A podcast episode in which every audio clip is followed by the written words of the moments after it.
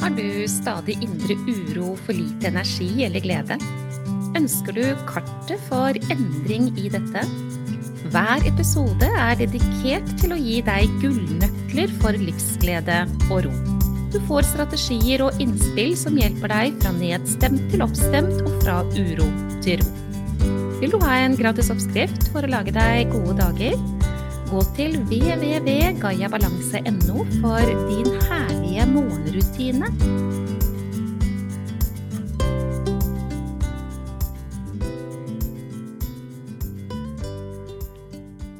I denne videoen så vil jeg snakke om det som står skrevet på skjermen din akkurat nå. Livet, hverdagen og helse. Jeg tar meg i å tenke at jeg kunne snakket i timevis. Det skal jeg ikke, for jeg skal forsøke å forfatte meg i korthet. Men um, veldig mange mennesker som jeg møter, og som jeg får lov til å hjelpe, det er mennesker som har ulike symptomer på at um, man har levd livet på en slik måte at det ikke har vært mest gunstig for helsen. Det er smerter i muskler, det er betennelsestilstander, det er fordøyelser som ikke fungerer, det er uro i toppetasjen, tankekaos, katastrofetanker. Det er mangel på god søvn, mangel på søvn som gir restitusjon eller andre søvnutfordringer. Det er i det hele tatt mennesker som befinner seg på et sted hvor de skjønner at uh, her orker jeg ikke å være.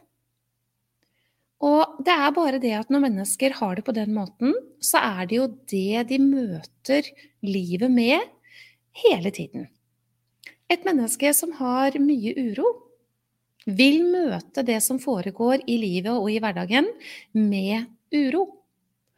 Og da er det ganske nærliggende å tenke seg at man blir reaktiv, man blir fortere irritert, man blir frustrert. Det gjør man fordi det henger sammen med dette som er på innsiden denne reaksjonen som kommer, er alltid ut fra hvordan vi har det i oss selv. Og så sitter man kanskje igjen med tanker om at um, nå hadde jeg en reaksjon jeg ikke er så veldig fornøyd med. Nå responderer jeg på en måte som for meg ikke er ok. Hva var det jeg sa? Jeg skulle aldri ha sagt det, at det går an å oppføre seg slik og sånn. Så sitter man der da med skyld og skam og alt sammen, og så blir det i det hele tatt ganske trøblete. Fordi at de tankene der, ja, de opprettholder det som hele tiden sørger for at den ubalansen man hadde fått, den vedlikeholdes og kanskje også øker.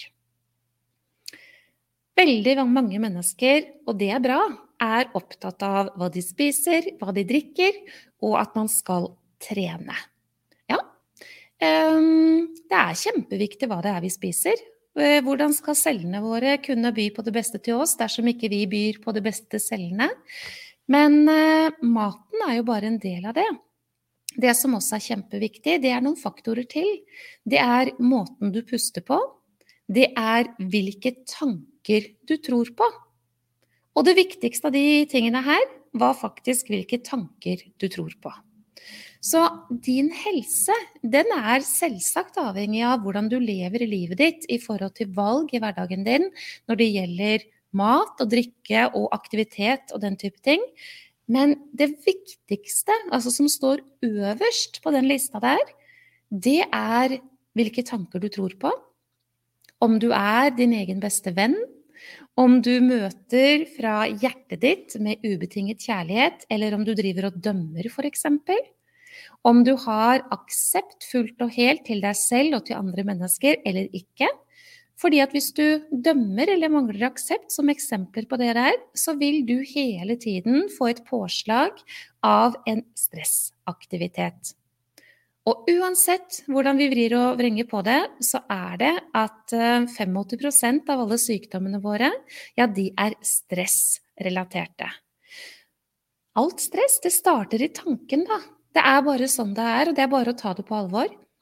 Så hvordan vi tenker, hvordan vi tolker, hvordan vi dømmer, hvordan vi eh, analyserer, hvordan vi bekymrer, hvordan vi skremmer oss selv, hvordan vi holder dette gående, ja, det er faktisk viktigere enn hva det er du spiser og drikker. Og om du trener veldig mye. Sagt veldig tydelig, det viktigste grepet du kan ta, ja, det er å få aktivitet i den delen av nervesystemet ditt som skaper ro og restitusjon og rehabilitering og bedriver et forebyggende arbeid. Og alt det der, det skjer ikke ut fra hva det er du spiser, eller om du er på trening eller løper gatelangs. Det skjer ut fra tanke, tilnærming til livet, hvordan du responderer på hva det er som foregår, det er det viktigste. Jeg eh, hadde et ønske om at det jeg formidler nå, skulle bli ganske kort.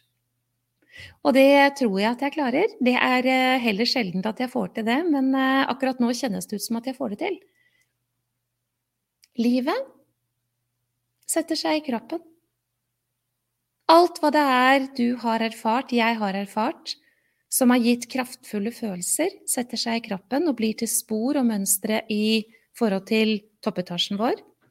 Alt vi får inn av sanseinntrykk videre, går inn i de sporene og blir sannheter for oss. Og det spesifikt fra alder 0 til 12 år. Der danner sporene på fabrikken. Så vi går rundt da og tror på og reagerer ut ifra og håndterer og dømmer og analyserer ut fra hva det er som er installert i oss. Så blir vi hele tiden da overmannet av det som foregår i livet vårt. Det er ikke en eneste dag, vet du, at ikke det kommer følelser som gir uro. Det er bare det at de følelsene der, de kommer fordi de er etablert i deg fra et tidligere tidspunkt.